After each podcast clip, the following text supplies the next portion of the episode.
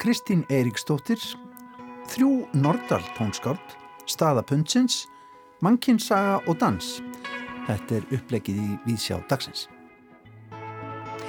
Rittöfundurinn Kristín Eiríksdóttir sendi á dögunum frá sér ljóðabók sem að nefnist Kærastinn er rjóður. Þetta er fymta ljóðabók Kristínar en í gær þá var tilkynnt að skálsaga hennar frá árunnu 2017 Elín Ímislegt hefði verið valinn á lista yfir bestu heimsbókmyndir sem komið hafa úti í bandaríkjunum á þessu ári, hvorki meira nýja minna.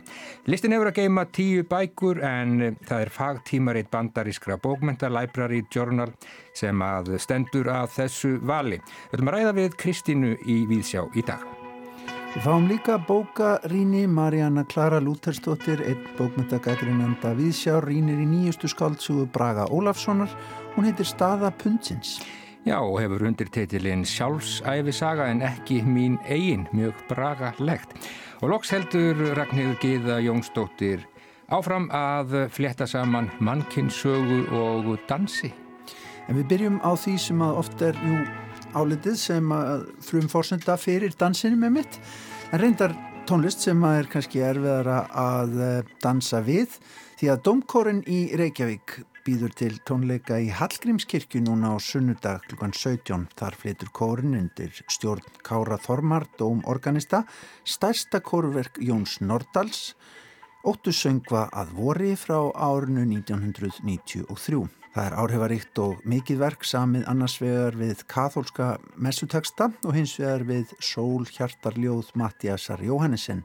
Verkið útheimtir tvo einsöngvara, það verða Harpa Ósk Björstóttir Sopran og Jón Svavar Jósefsson sem að taka þau hlutverkað sér. Jón Svavar bregður sér nú í kontratenus hlutverkið í fyrsta sinn í flutningnum.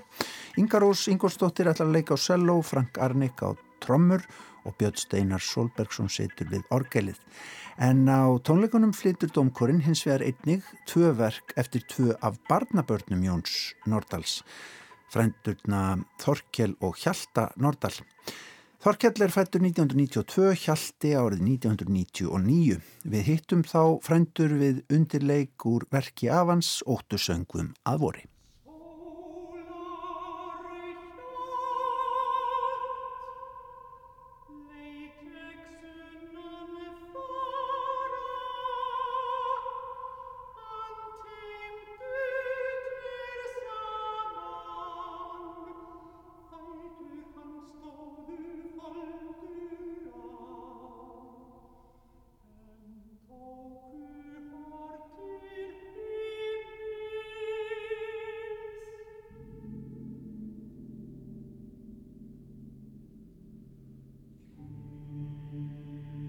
Hér heyrim við tóna úr stærsta kórverki Jóns Nordals, óttusöngum að vori, en þetta verk er stórmerkilegt, það er mjög áhrifaríkt að heyra flutning á því, mann sjálfur eftir því að hafa heyrt flutning á þessu verki í Hallgrímskirkju á sínum tíma.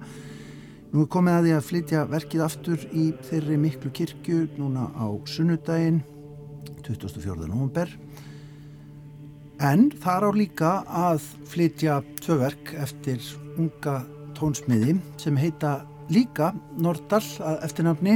Það eru Hjalti Nordal og Þorkjell Nordal og jú, þeir eru barnabörn Jóns Nordals. Þeir eru kominir í Vísjá í dag. Velkominir báði tveir. Takk, takk. Sko, Hjalti, ef ég spyr þig fyrstu, láða bara beint við að verða tónskáld? Uh, ég held ég aldrei ákveðin eitt svona. Held ég bara slýsast í þetta heila mm. held ég ekkert gott sko ef maður ákveður að vera tónskáld. Nei.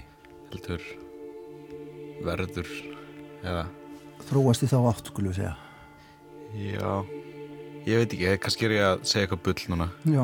Hugsaði segja, segja mjög mikið bull. En ég var þannig að uh, já, ég ákvaði aldrei neitt svona beint. Heldur bara ákvaði ég leggja meira, meira áherslu kannski á að gera ákveðin hluti. Mm -hmm. og þannig að tala semja. Mm -hmm. Hvað með þig Þorkjall? Mm, já, ég byrjaði nú svona kannski frekar seint að pæla í þessu. Mm. og þetta var kannski svona svipað ég svona slýsaðist inn í þetta. Byrjaði eitthvað svona aðeins að fykta mentaskóla og svo byrjaði ég að lista á skólan og svo þá fór þetta svona vera aðeins meiri alvara í þessu. En þið hafið náttúrulega fyrirmynd, er það ekki? Í- Já, Í svo sem ykkar. en ekkert meiri en aðrar Nei, Nei, kannski svona hann var ekkit mikið að halda þess að okkur svona Nei. þannig Nei Já, hann er meira, meira afi heldur en tónskáld sko. já, það er nú gott. Er meira fyrirmyndi í því já, já, við verum góðir afar líka Já, En sko, það að svona fá verk inn á efnisgrá, svona til hlýðar við, við þetta mikla verk, hvernig líður ykkur með það? Mm, bara maður svona reyndi kannski að horfa aðeins fram í þessu svona rétt á Já. meðan maður satt við skrifborðið sko já. mitt og hann hefur náttúrulega 70 ára forskott á okkur þannig að Já, já, ekkit tókum þetta ekkit of alvarlega þannig sko. Nei. Svo gott sko að vita að ef verkin okkar eru umuleg þá er allan eitt gott verk eftir hlið já, það er það er svona huggun Já, Allavega svona, er svona ákveðið, hvað maður að segja, öryggis tól fyrir, fyrir áhöröndur að vita. Já. já, Er það ekki? já. En Þorkell, verkið þitt, það heitir Orðfæri, er fyrir blandaðan kór og, og, og slagverk. Já. Hvað getur þú hérna sagt okkur um það? Uh, já, þetta er verk í fjórum köplum og svona hugmyndin á bakvið titilina verkinu og svona það sem ég var að reyna að vinna með í verkinu var að orðfæri væri svona eins og einhvers konar verkfæri eins og hljóðfæri eða, eða veiðafæri eða eitthvað svona. Og svona í gegnum verkið upp af verksins eru sem sagt bara svona hrein málhljóð sem þýða svo sem ekki neitt en mann geta heyrt svo sem eitthvað út úr í og svo fara svona að, þessi málhljóða kristastlast í orð og svo setningar svona í gegnum verkið og svo þannig ég nota kannski textan meira sem svona verkfæri til að búa til hljóð heldur en beint svona syngjan sko. Og textin þá meira og minna svona þín smíð. já, meira og minna sko Þetta er svona, hérna, passar vel við bara nafnið sjálft, orðfæri, Já. er eins og þú segir, bara Já. nánast tól til Já, þess að búa það til er tónlist. svona já, búa til kórtónlist sko. þannig mér finnst það svolítið skemmtilegt að reyna að sjá hvert það myndi lega mig Já, svona abstrakt, abstrakt hugsun. já. og svo svona í gegnum verki þá faraðu að syngja meira líka og þegar setningar var að myndast. Akkurat, akkurat.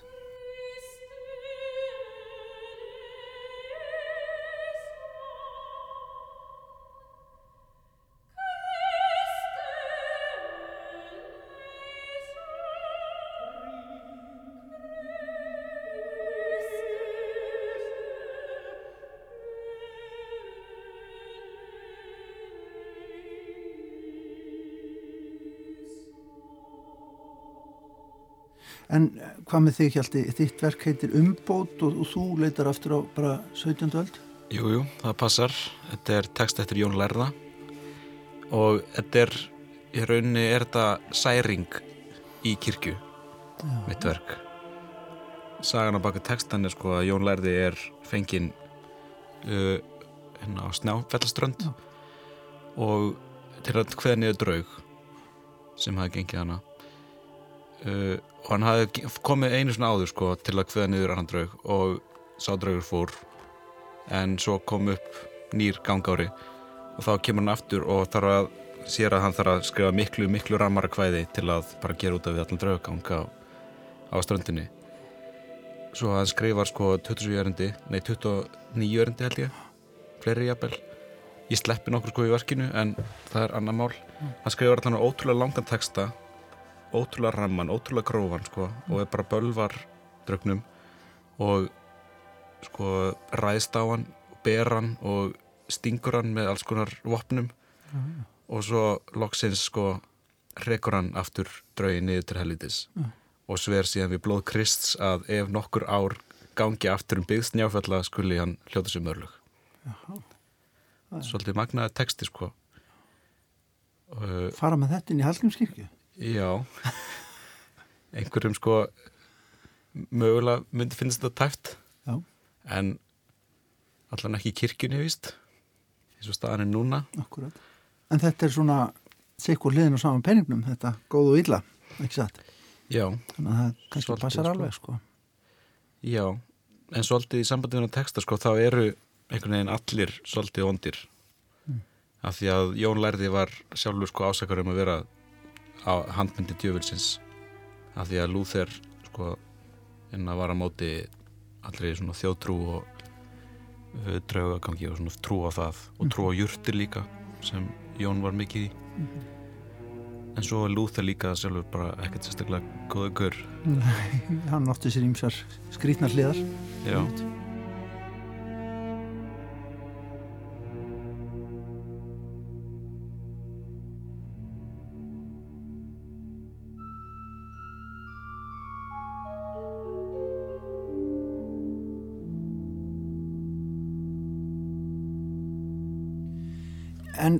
hvað með síðan verkið sem að þetta sem að er eftir hlið og er trygging fyrir hérna, tónleikunum óttu söngvaðar að vori eftir af ykkar. Hva, hvað svona finnst ykkur um þá tónlist?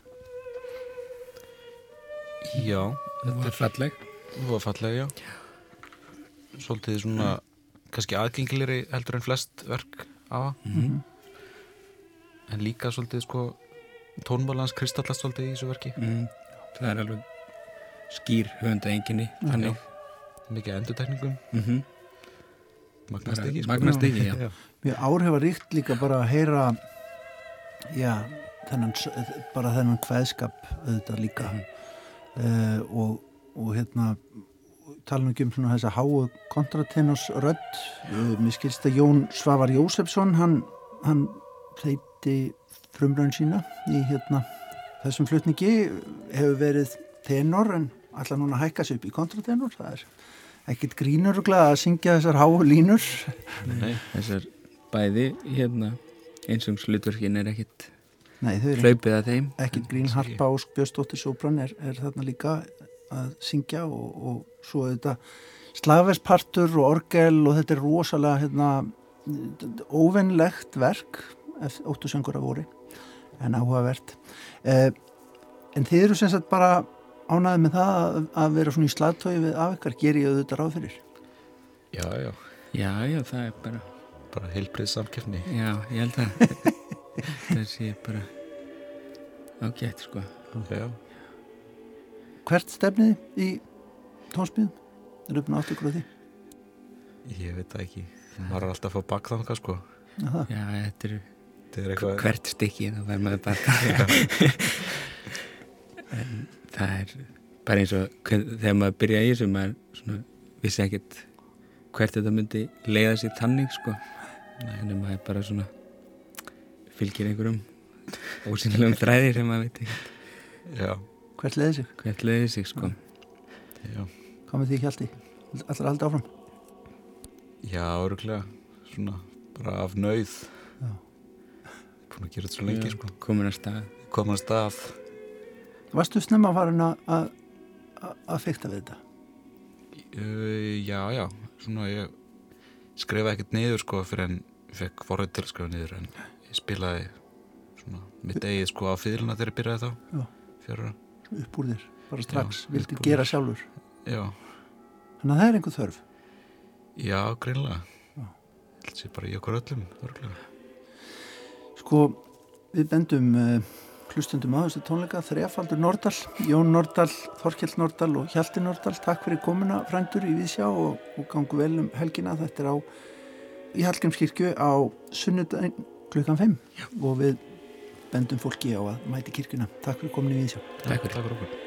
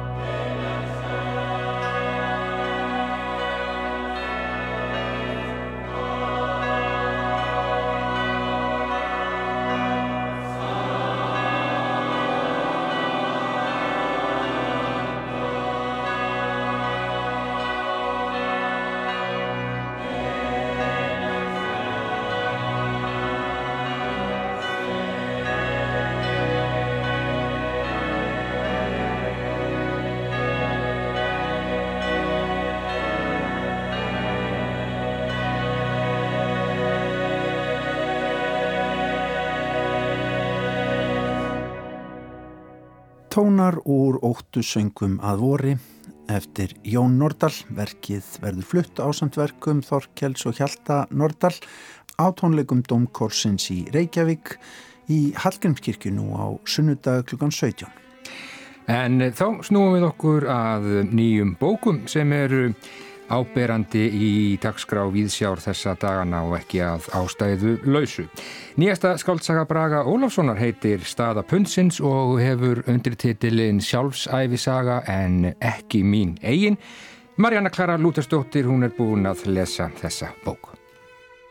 Staða Pundsins, Sjálfsæfisaga, þó ekki mín, ber fremur rugglingslegan titil og í þessu tilviki er alveg óhætt að dæma skáldsöguna af kápunni eða öllu heldur af titlinum.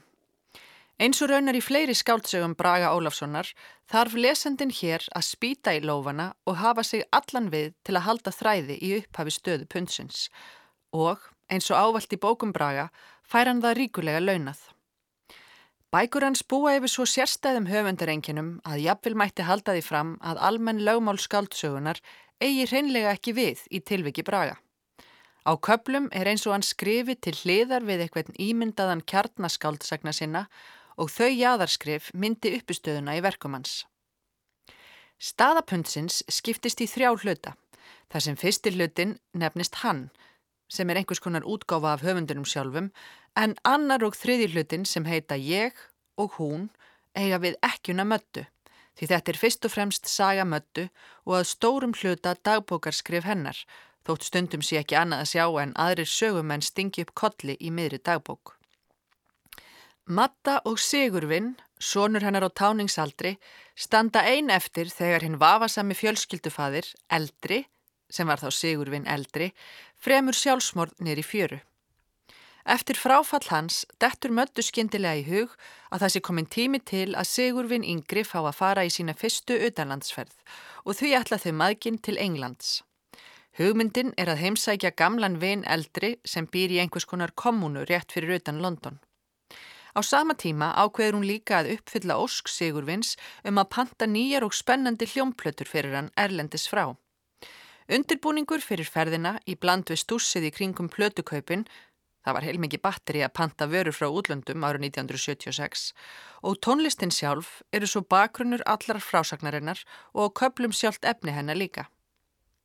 Þetta verandi bók eftir Braga Ólafsson velkist lesandin svo ósvölrótt í vafa um hvort nokkuð verði að ferðinni margumrætu til Englands eða hvort bókinni ljúki áður en þau leggja af stað. Síðasti kaplinn gerist 40 árum síðar þegar Matta ætlar að halda áramótin hátíðlega með sinni sínum og fjölskyldu hans og er þá mikið vatn runnið til sjávar síðan þau skipulöðu Englandsförina forðum daga. Eins og stendur raunar á bókarkápu virðist sem fráfall eldri sé ákveðin forsenda þess að þau maðginn fari loks að lifa lífinu. Saga þeirra, þessi saga, getur fyrst hafist þegar hann er látin. Að því sögðu er þessi saga vitanlega ekki heil, enda hefur Bræi sjálfu sagt að þetta sé hálf saga og vísar þá væntanlega til þess að sagan sé ekki hefbundin að uppbyggingu en ekki síður til þess að engin saga er nokkuð tíman heil. Alltaf eru þræðir sem leiða annað og aðrar sögur byrja áður en þessi endar, engum spotta er hægt að fylgja alla leið. Þetta verður sérstaklega ábyrjandi í dagbókaskrefi möttu sem veður eðlilega oft úr einu í annað. Hún nefnir líka kunningja og fjölskyldumeðlimi sem jafnvel koma bara fyrir á nokkrum stöðum í tekstanum og eru svo ekki útskýrðir nánar. Stundum fær lesandin óvænta insinn í aðrar sögur sem ekki eru sagðar nema mjög litlu leiti. Þetta er list sem Bræi hefur löngum kunnað, að fara örfáum orðum um personu en takast að gefa í skinn svo ríkulegan heim að baki orðunum að lesandan döðlangar til að heyra meira um þetta fólk þarna á jæðri frásagnarinnar. Þannig finnst manni ótrúlegt annað en að einhver staður í hugar fylgsnum höfundarins sé að finna heila skáldsögu um sískinin veigu, munda og varða sem kostuðu ferð maðginana til Englands Um dæmta morðingjan sem bjó í skurnum í bakgarðinum hjá Möttu og Sigurvin og seldi þaðan flögelda og um raftónskaldið Markus Geirharð sem hefur raunar komið við sögu í öðrum verkum Braga. Staða pundsins er söguleg skaldsaga þótt hún fari bara rúm 40 ára aftur í tíman og Bragi hefur einstakt lag á að fanga eða skapa stemningu og andrumsloft tímapilsins. Sagan hefst undir loka áttunda áratögarins og tónlistin sem Sigurvinn pantar Erlendis frá og þau matta hlusta á, endur speklar það. Roxy Music, King Crimson og Brian Eno svo einhverju séu nefndir og það er ekki bara tónlistin heldur plötu umslögin sjálf sem hafa áhrif á maðginin. Borgin Reykjavík er líka snar þáttur í frásögnunni þótt hún hafi auðvitað tekið stakkaskiptum frá því að matta röldi niður í síld og fisk og kefti sér dagbók í bókabúð Lárusar Blöndal á skólaförustygnum. Inn í frásögnina fléttast svo líf allskynns fólks sem á vegi möttu hefur orðið. Bæði þeirra sem gengu í raun og veru um götu Reykjavíkur á þessum tíma, eins og ljóðskóldi Dagur Sigursson, sem og þeir sem aðeins hafa gengið um götur í Sagnaheimi Braga. Eins og áður nefndur Markus Geirharður, en kassetta með tónverki hans, In Articulo Mortis, verður ákveðin áhrifavaldur í lífi möttu. Komingin er aldrei langt undan í skrifum Braga en kaltænisleg fjarlægð sem oft einkennir stílin heldur sér til hljés hér. Það er dauður maður sem ekki hefur samúð með möttu, svo vel skrifið og almennileg manneskja sem hún er. Skindilega farin að reykja út á svölum af því hún fann síðustu réttu látins eiginmann síns og ekki síður af því veiga á mundi gáfu henni forláta síkarettuvél sem væri synd að nota ekki. Vegna stílsins og möttu sjálfrar er því fremur létt yfir frásögninni en þegar betur er aðgáð hefur hún ansið dökka undirtóna. Dauðin er alltaf nálægur og ekki bara sjálfsmorð eldri og raunar líka föður möttu, heldur myrti nágrannir þeirra í bílskurnum eiginkonu sína og svo fellur vinkona möttu frá á vofeflegan hátt. Hér má finna fleiri döðsvöll og meira ofbeldi, þar með talið heimilisofbeldi, sem allt hefst við í hliðarsögum sem frásögnin ratar öðru kvoru inni. Það er eins og bræi gerir í því að flækja sögurna sínar, að þvæla setningar, að bæta inn ótalmörgum personum með jafn mörg og oft á tíðum keimlík nöfn, ruggla lesendan í rýminu og fá hann til að fletta bókunum fram og tilbaka, efast um allt sem hann skilur og þar á leiðandi allt sem hann les. Auðvitað er þetta allt með ráðum gert og sennilega líka með ráðum gert að þessi lesandi þurfti að byrja tvísvar á stöðu pundsins og einbeita sér ærlega til að halda þræði. Þetta kemst brægi upp með af því bækurnar hans eru svo yfirgengilega skemmtilegar og snertamann á köplum djúft. Hann hefur sjálfu sagt að bækurnar séu raunsæðislegar og þá í þeirri merkingu að rétt eins og í lífinu sjálfu er óreiða í skálskapnum, ekki skýrt upphaf og endir, ekki bóðskapur og seint hægt að vænta þess að öll kurl komi til grafar. Með því að brjóta flest lögmál hinnar síkildu skáldsögu gerir brægi lesandan á mótsagnakjandan máta meðvitaðan um þessi sömu lögmál. Lesandin er skindilega farin að velta fyrir sér skáltsagnaskrifum, sjálfri aðtöfn skrifana, framsetningu frásagnar, minningum, sannleika og byrtingamindum sjálfsins í tekstanum. Það kemur því ekki á óvart að staðapundsins hefur óljóst upphaf og opin endalók, en skilur lesandan eftir með ókleimanlegar personur, stemningu og tilfinningu fyrir því að hafa upplifað einhverja stund og stað næstum áþreifanlega. Eins undalegt og það kann að hljóma, þá tekst Braga líka með þessu kjarnleysi sínu einmitt að fanga kjarnatilverunar á launfindin og harmarænan hátt. Já, Bragi Ólafsson fangar eh, sjálfan kjarnatilverunar í sinni nýjustu skáldsögu sem að heitir staða Punnsins, það er að minnstakosti skoðun Marjönu Klöru Lúterstóttur. En Guðni, ert þú dansfíbl? Er ég dansfíbl? Já, finnst þér að vera góðu dansar? Ég verður gaman að því að dansa. Uh, ég get dansað, ég held ég sé ekki asnalegasti maður á, á, sem fyrir finnst á dansgólfum þessara veraldar svona þegar ég femist núning Nei, ég, ég sér kannski ekki nóg að því. Nei, ég hef séð þetta og þú dansar alveg ljómandi vel. Ég er eins og framúsgarandi dansari, kann bæði Lindy Hop og Charleston en stundum leiðis maður nú bara út í frístæl sko, þegar maður fer út á gólfið. Já, það er um að gera að vera bara einmitt aldrei frjáls í andanum þegar það kemur út á dansgólfið. Já En eh, ég veit fyrir vista að hún Ragnhildur Geða Jónsdóttir, hún telur sig bókstaflega afleitan dansara en hún hefur samt gaman af dansi. Í dansfysli dagsins þá ætlar hún að segja okkur hversum var þýsari þegar hún kynnti sér rannsóknir tilrauna fordleifa fræðinga á danslist og mannkynni. Stórmerkilegt, við skulum heyra þetta. Mm -hmm. Fordleifa fræði er ekki bara fordleifa fræði hlustendur góðir. Eins og margar aðrar nútíma fræðigreinar kvíslast hún og greinist í ótal áttir. Tilrauna fordleifa fræðingar hamast við að fullvinna hugmyndir okkar um líf laungu gengina forfæra með tilraunum af výmsu tægi. Þeir endur gera til dæmis forna blástusopna til hjártgerðar, baka brauð úr melgresi, fletta táakorfur úr rótum, berja tinnus og úrverði öksi, nýfur eða spjótsottur og svo mætti lengi telja. Aðrir lesa í æfafornar vegmyndir, fleigrúnaðar leirtöflur og hvaðina, svo endur gera megi fornar jétti, gorki létt verk nýja löðurmannlegt, því mæli einingar mannkins hafa tekið ótal breytingum í aldanar ás. Þeir neyðast á til að smakka þar til fæðan tælst ætt.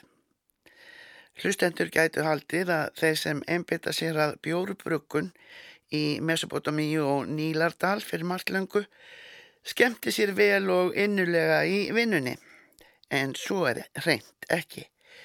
Bjórin forni var svo gruggugur að eina leiðin til að njóta hans var að sjúan gegnum rör úr stönglum júrta. Tilrauna vinna oft með áhuga mönnum um ímislegt og úrverða síningar og kynningar á söpnum sem og fornaldarbyggðirnar með öllu sem þeim fyldi á landsvæði skipulöðu til þess arna víða um heim. Experimental archaeology is a, a way of studying ancient technologies by creating really accurate replicas. And because those replicas are worthless, we can throw them and break them and shoot them to figure out how they work and reverse engineer them. Tilhörna forlega fræðingar, aðri sérfræðingar, áhuga menn, háskólar, söpn og einstaklingar viðam um heim standa að vefsíðinni xark.net og þar má fræðast um rannsóknir í greininni á heimsvísu. Engin skildi ætla að tilrauna forlega fræðingar fáist aðeins við það áþreifanlega, sjáanlega, efnislega, samber áðurnönda matræðslu og björgerð. Á síðunni er meðal annars að finna samantekt um rannsóknir tilrauna forlega fræðinga á dansi og dansreyfingum mannkins á nýsteinald, kopartímanum og brónsöld. Þeir segja dans alltaf hafa skipað stóran sess í samfélögum manna um allan heim. Hann var hluti af menningalegri sjálfsmynd þjóða, þjóðflokka, ættbólka, hópa og einstaklinga. Áður hafið þó dans verið enn stæði hluti af lífi samfélag og einstaklinga en nú er, ekki aðeins skemmtun, heldur og ekki síður, tólkun allra hliða samskipta mannsins við umhverfi sitt og sinn innri mann. Tilhörnaforlegar fræðingar og aðri sérfræðingar hafi því ringt í fornar myndskreitingar, ritaðar heimildir, þjóð og alþjóðdansa, smíðað sér hugtaka orðaforða yfir kóreografíu æfaforna dansa, stöður uppsýtlingar dansara á fornum leirkerjum úr Evrópu og mið Östurlöndum, dansa samfélaga sem haldið hafa treyð við afleif sína, og hugsaleg tengst þeirra við forsögulega dansa. Að auki hafi þjóðháttalega rannsóknir sínt að menn í fjölda samfélaga, allstaðar á jörðinni, aðhafast það sama á degi hverjum og dansreifingar þeirra eru ekki bara keimlíkar, heldur oft þær sömu. Þeir taktar og tónar sem fylgdu dansunum voru einnig rannsakaðir, klæðnaður dansara eða klæða leysi. Dansarar sérfræðingana hefðu ekki notið sérstakrar þjálfunar. Danshöfundarnir settu saman þrjá dansa. Uppskerjudans frá nýsteinöld, töfra og trúardans kopartímans og manndómsvíksludans bronsaldar.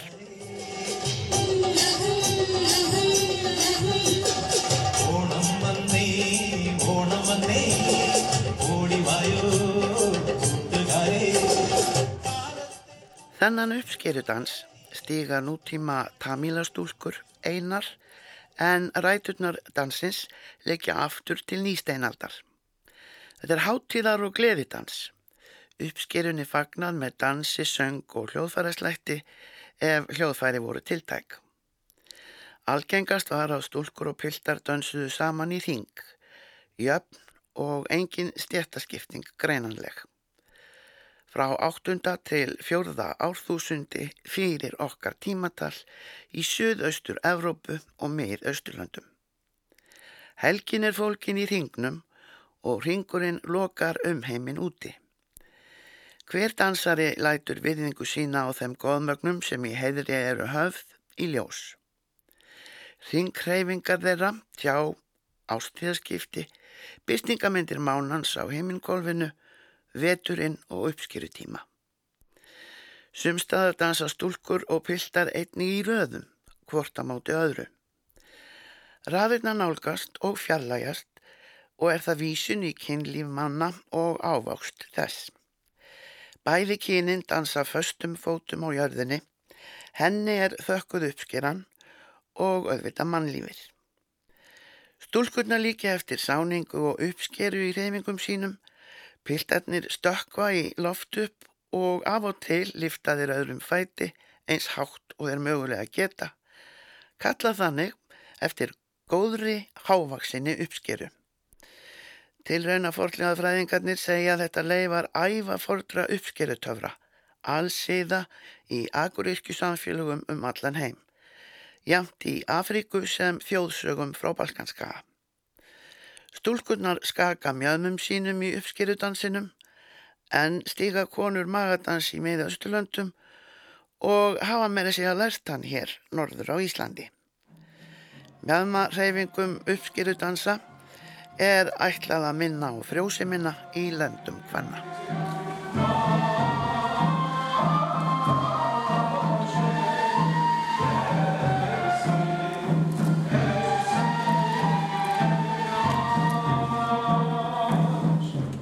Tyrkneskir darvissar snúast ring eftir ring í dulspekki sinni. Þeir teljast til þeirrar undirgreinar Íslam sem nefnd er Súfi Súfistar koma bæði úr röðum Sunnija og Síja. Dansinn stiga þeir guði sínum til að sjálfsögðum en rætur hans eru dýbri og ná lengra aftur í mannkinsöguna en til Múhammeds spámans á sjöund og öll okkar tímadals.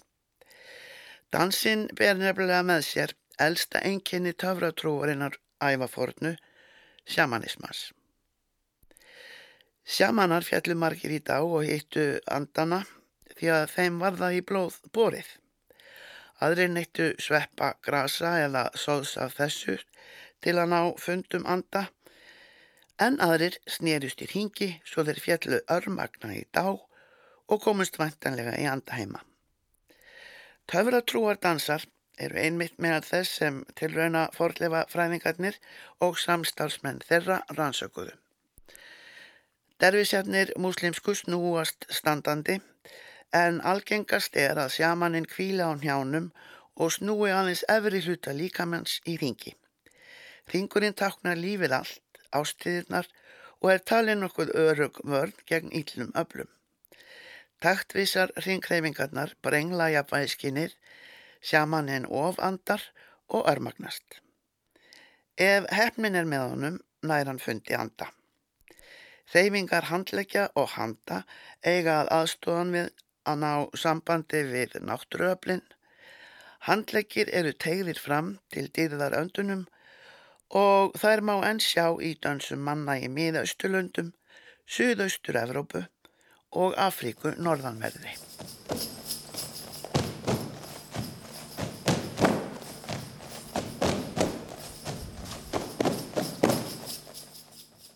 forn stappdans vúsetól menningarinnar í núverendi Kroatíu en fyrir rúmum 5.000 árum en stígin á Balkanskaga. Hann er nánast hljóðlaus.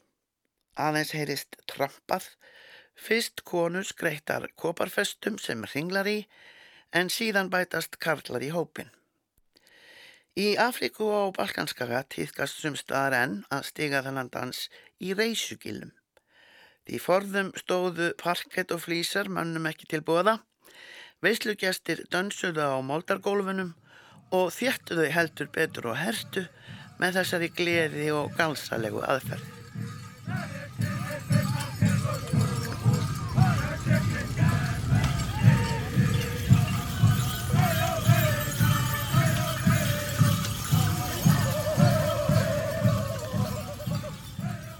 Apassjar í Norður Ameríku fagna hér mandómsvikslu ungrar konu. Kynþróska er henni fyllt frá litlu stúlkunni til ungu konunar með allir þeirri ábyrð og þeim skildum sem því fylgja. Víkslan tekur tólf sólarhinga og meðan dvelu stúlkan einn í tjaldi, sjaman ættbálksins vitjar hennar reglulega því hún þarf að kunna skil á síðum, hefðum, vennjum og heimsín síns fólks kann að þór sitt og þreg. Síðustu nóttina dansar hún einn í tjaldi, mandómsvikslunar, en ættingjar og vinir dansa fyrir rautan. Að morgni er unga konan leitt út að fagna með sínum. Mandómsviksludansar eru taldir meðal þeirrar eldstu meðan mannkins. Tilrauna forlegafræðingar og samstafsmenn þeirra fjölmarkir konuðu hins vegar mandómsviksludansa ungra kvenna og bronsöld. Fyrir bráðum 4000 árum í Asju, söðaustanverði og rúmlega 5300 árum í miðausturlöndum. Því ekki gengu allar nýjungar yfir á sama tíma allstaðar. Mandómsvíkslurum veröld viða eiga það sameinlegt að þá fagnar hópur, ættbalkur, þjóðflokkur eða þjóð, stelpum og strákum sem orðin eru kynþráska, ungar konur og ungir karlar. Ungmenni þessi þurfa að leggja ímislegt á sig meðan á vikslunni stendur en henni líkur með gleði og dansi hópsins alls. Í dansi ungra kvanna draga þar aðdeglina að mjöðmum sínum og vantanlegri frjósemi en þær flíka ekki síður ákafa sínum og gleði, ekki síst til að sína þól og þreg. Þær verði ábyrgar og sterkar eiginkonur og mæður grunnar stóðir og stittur heimila sinna, ætta, ættbálks og þjóðar. En til eru þjóðir og þjóðflokkar sem hefur verið harðbannað að dansa af ólíkum ástæðum en meirum þau óskupp að viku liðinni. Já, Ragnhildur Gíða Jónsdóttir, hún getur lengi spunnið við þekkingu sína og miðlaðinni til okkar þegar kemur að dansinum. Já, jáfnveg þó að hún um, telji sig afleitan dansara þá hefur hún afskaplega gaman af dansi eigi að síður. En þá ágetur hlustendur þetta. Ég skil að þú sérst reyður og viljir ekki svar en ég verð samt bara að segja ég ætlaði ekki að vera svona kvikindi sem hæðist að tilburðum náungans þegar kemur að málefnum hjartans. Kvikindið er viðbrað og þurkuðu blóminn sem hrundu úr umslæginu vöktu það. Kærastinn er Rjóður ný ljóðabók eftir Kristínu Eiríksdóttur, hennar fymta ljóðabók, bók sem fjallar um sambönd og sambandsleysi og raunar sitt hvað fleira borgar ísjakar þar sem sumt sést en annað ekki.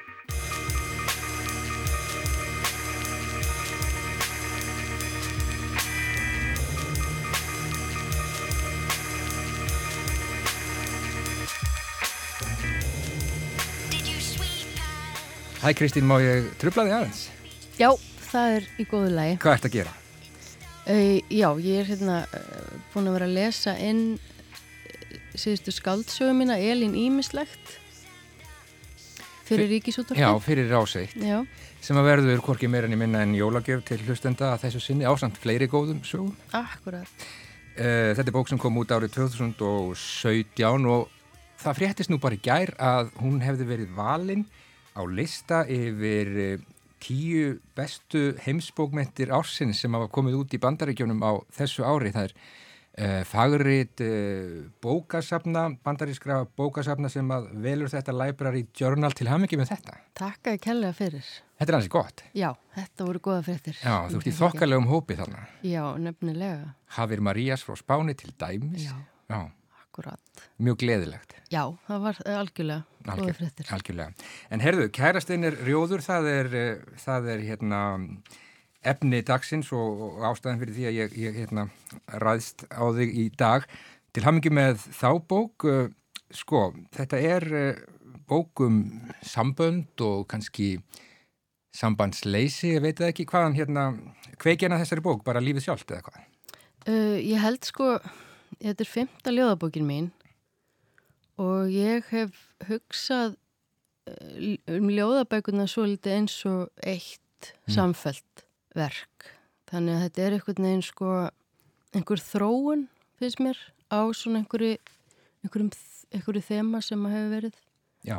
En já, sambönd og sambandsleysi er svona emitt en, en síðan er hún líka sko, hún, mér finnst, mér finnst megin svona umfyllanaröfni í rauninu vera tröst. Já, emitt það er svolítið það sem að ég er að fjallum og það er, ég horfið á Kiljuna í gerðkvöldi mm. og mhm. þar var verið að fjallum bókina og ég hjá eftir að, að gaggrínandir hann talaði eins og þetta væri kærstandi mínir Já Hérna að þarna væri ég að fara yfir mína kærasta sögu eitthvað Já, sem þú ert ekki að gera Nei, alls ekki Nei, nákvæmlega er ekki, vegna þess að þannig er ég líka að snúa upp á þessa alltaf gamlu hefða að hérna, það sem að konan er notu sem tákn. Já, nákvæmlega. Og þarna er ég að nota kærastan og kallmannin sem tákn. Sem tákn, já. já.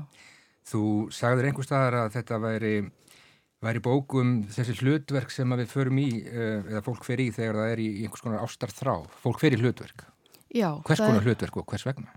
Já, ég hugsa að ég hef ekki alveg notað rétt að orðið þegar ég segði ástarþrá, mm. en, og, en með hlutverk þá er ég í rauninni kannski að meina svona varnarhættina Já. okkar mm -hmm. að, hérna, og það eru mismunandi rattir í, í bókinu að það er hérna, það eru brefasamskipti sem svona einhliða brefasamskipti það sem að við kynnumst mannesku sem að hérna er e, mjög hérna mikið að íta frá sér og hérna og svona í höðun á sér og, og ætlar einhvern veginn ekki að gangin í neitt og, og, hérna, og hefur fyrir því ótal ástæður mm -hmm. og svo er, svo er hérna, manneska sem er í mikillir þráhyggju og uh, þannig að já og svo er hérna líka ljóð sem að mér finnst vera mikil von í á einhvern nátt þar sem að hérna, sem byrjar á hérna ég treysti og hérna já það er loka ljóðið þannig að mér, ég upplefa hana sem sko í rauninni enda í, í hérna einhverju, einhverju ákvæði já, endar í ljósi. Endar í eitthvað svona ljósi, já. já. Sko maður skinnjar Kristín um, sko einhverja mikla þetta er aðgengileg ljóð og þau eru að mörguleitum ólík því sem að þú eru áður gert. Þetta er fymta bókin þín Kjötbærin, það var svona myndrætn prósateksti húðulegs auðnin leiðsla eða ég veit ekki hvað maður á að kalla það. Uh, svo eru, lang, svo eru svona bálkar í, í hérna, annars konar sælu og, og kók, kannski bara svona hljóðskúltur einhvers konar, en þessi er mjög aðgengileg en maður skinnjar uh, svona á bakvið hvert einasta ljóð svona eitthvað sem er algjörlega uh, ósagt, maður skinnjar skinnjar jáfnveg langa sögu. Já, algjörlega og hérna og það, og það ég saðist vera að fjalla um tröst að þá er þetta líka þetta svona að náttúrulega rjóður hefur tværmerkingar mm -hmm. rjóður er að vera rjóður í kynnum mm. og rjóður er líka rjóður rjóður sem að gengur inn í og, og er einhvern veginn svolítið örgur í rjóðurinu Já. og hérna síðasta ljóðu heitir umfang mm -hmm. og það er önnur svona hérna sem hefur verið svona merking konunar sem tákna það er eitthvað sem að umleikur bara náttúrulega, jájá, eðlum ástæðum en læknisfræðilegum, hvað þeimar mm -hmm.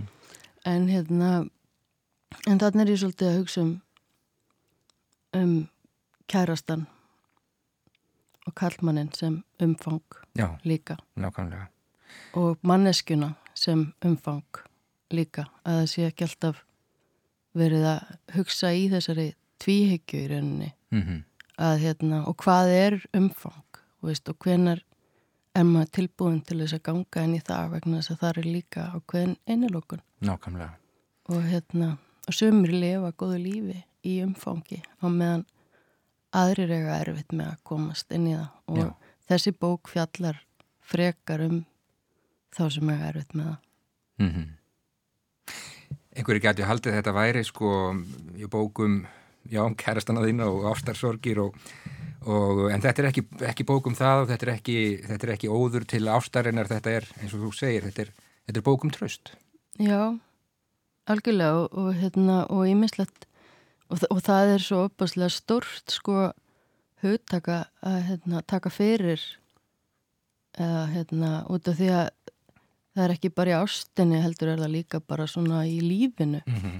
að hérna ef maður hefur tröst og ef maður hefur ekki tröst og, og það er náttúrulega sko eitthvað sem fólk yfirleitt söiblast á milli. Já.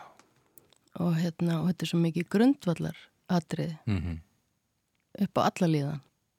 Hvort sem það kemur ást eða öðru. Já, sko ég var að vitna þarna í, í þetta fagtímarit bandarískra bókasafna áðan og þar, þar er lítil umsögn um, um skáldsöguna þína, Elín Ímislegt og þar segir að hún sé lýrisk átakanleg og sláandi líkt og nefa högg beint í hjarta stað.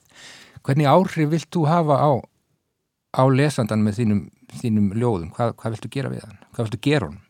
maður náttúrulega getur dreyið upp skýrari personur í, í skáldsögu heldur en í ljóðabók nokkur sinni Mm -hmm.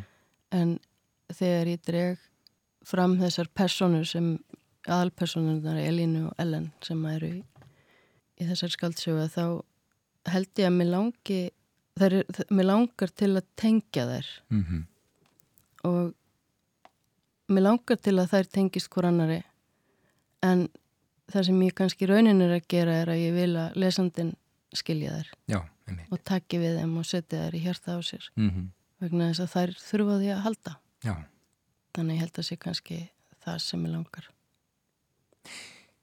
kápan á þessari bók, það er, þetta er svona óvenjuleg, eh, held ég, kápa á íslenski ljóðabók, það er mynd af manni sem að er, já, hann er rjóður í kinnum og hann, hann brosir. Hver er þetta og hvers vegna? Þetta er verk sem að ég kefti til þess að setja framann á bókina Mhm. og þetta er sem sagt verk eftir Sigurð Unnar Birgisson sem að gerir alveg stórkostlegar portréttmyndir. Það er hægt að sjá þær á hérna, Facebook, á Mhm. passamyndir og hérna og ég bara sá þessar portréttmyndir og hérna og hugsaði að, að þetta er bók með portrétti og hérna og svo sá ég ljósmyndaran Mm og ég hugsaði að þetta er náttúrulega rjóðasti maður sem að og hérna og hann sem sagt var til í þetta og, og hérna og ég fekk þessa stórkostlegu mynd frá honum og, og hérna já, þannig að þetta er svona samstars þannig, eða, já, Já. Hann, hann var til í þetta -hmm. Og þessi maður er einhvern veginn, einhvern veginn svona sakleysið uppmálað, myndi ég segja. Mér finnst Eða sko hvað? í þessu andliti að þá ég skinja berskjöldun Mm að er hérna, hann horfir hann horfir beint á á mann og, og brósir Já. sem að fólk á misjaflega völd með að gera Nákvæmlega. Uh, hvað næst, Kristín, ertu, uh, hvað er svona á, á hérna, hvað er á skrifborðinni hjá núna? ég er bara í, í skáldsögu Já. eins og, eins og stendur sko Mhm. og hérna er í rauninni komin svolítið langt með hana Já, kannski næsta ári bara. vonandi Já, sko frábært. en ég, ég ætla svona já, hún bara kemur þegar hún er alveg tilbúin sko Já. Ég ætla að leifa þér að halda áfram að lesa skáldsöguna þína fyrir hlustendur Rásar 1. Þetta fer í loftið um jólaleitið í jólapakka. Ég segi til hamingju með gærdaginn og ég segi til hamingju með þessa nýju og fínu bók sem að heitir Kærastinn er Rjóður. Takk fyrir að spjalla við mig og gangi er allt í hæginn. Takk. já, takk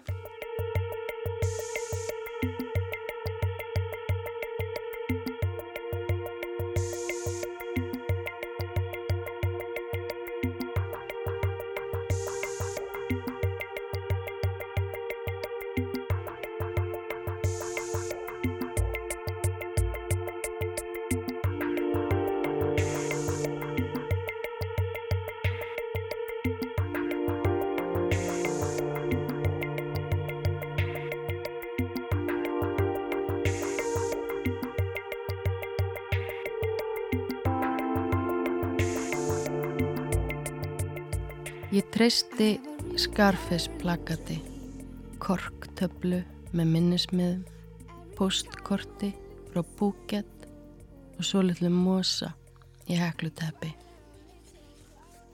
gömlu vatni í glasi á náttborði, klístruðu ríki og svörtu plasti, hillu samstæðu með engu, leikföngum á víð og dreif, gummitegjum innan um nýjöpurinn, brandara sem er aðeins og andstikilegur, tómum lefjaspjöldum, sjóansnið, útvarpsnið, baksvip fólks og reskingum þess.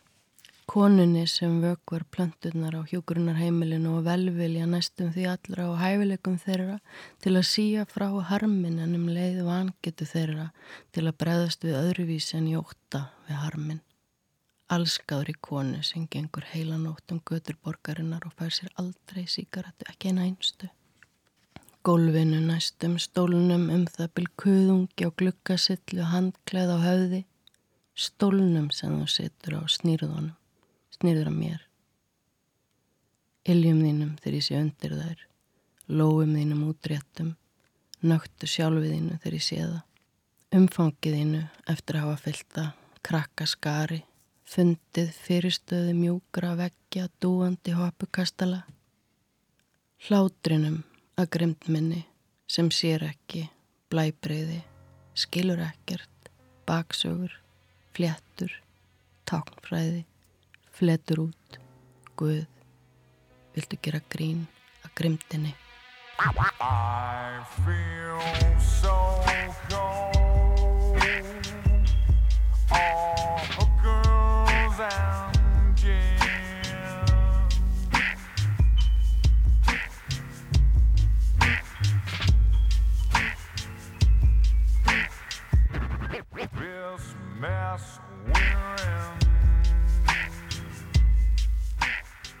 Já, komin út uh, ný ljóðabók eftir Kristínu Eiriksdóttur, kærastinn er Rjóður, heitir uh, svo bók og uh, það má minna á það að Kristín Eiriksdóttir, hún tekur þátt í tónlistarháttíð Rásar 1 núna um helginna á laugardag. En þar verður notast við þetta ljóð sem að Kristín Eiriksdóttir flutti fyrir okkur hér rétt áðan, lokaljóðið eða bálkin í ljóðabókinni Kærastinn er Rjóður, það er Marja Huld Markan Sigfúsdóttir sem ætlar að móða úr þessu orðlistaverki Kristínar, Ljóði verður flutt og flytjandi verður Yllu í Jökulsson, meirum það á lögardag í hörpu. En þættin með lokið verið sæl.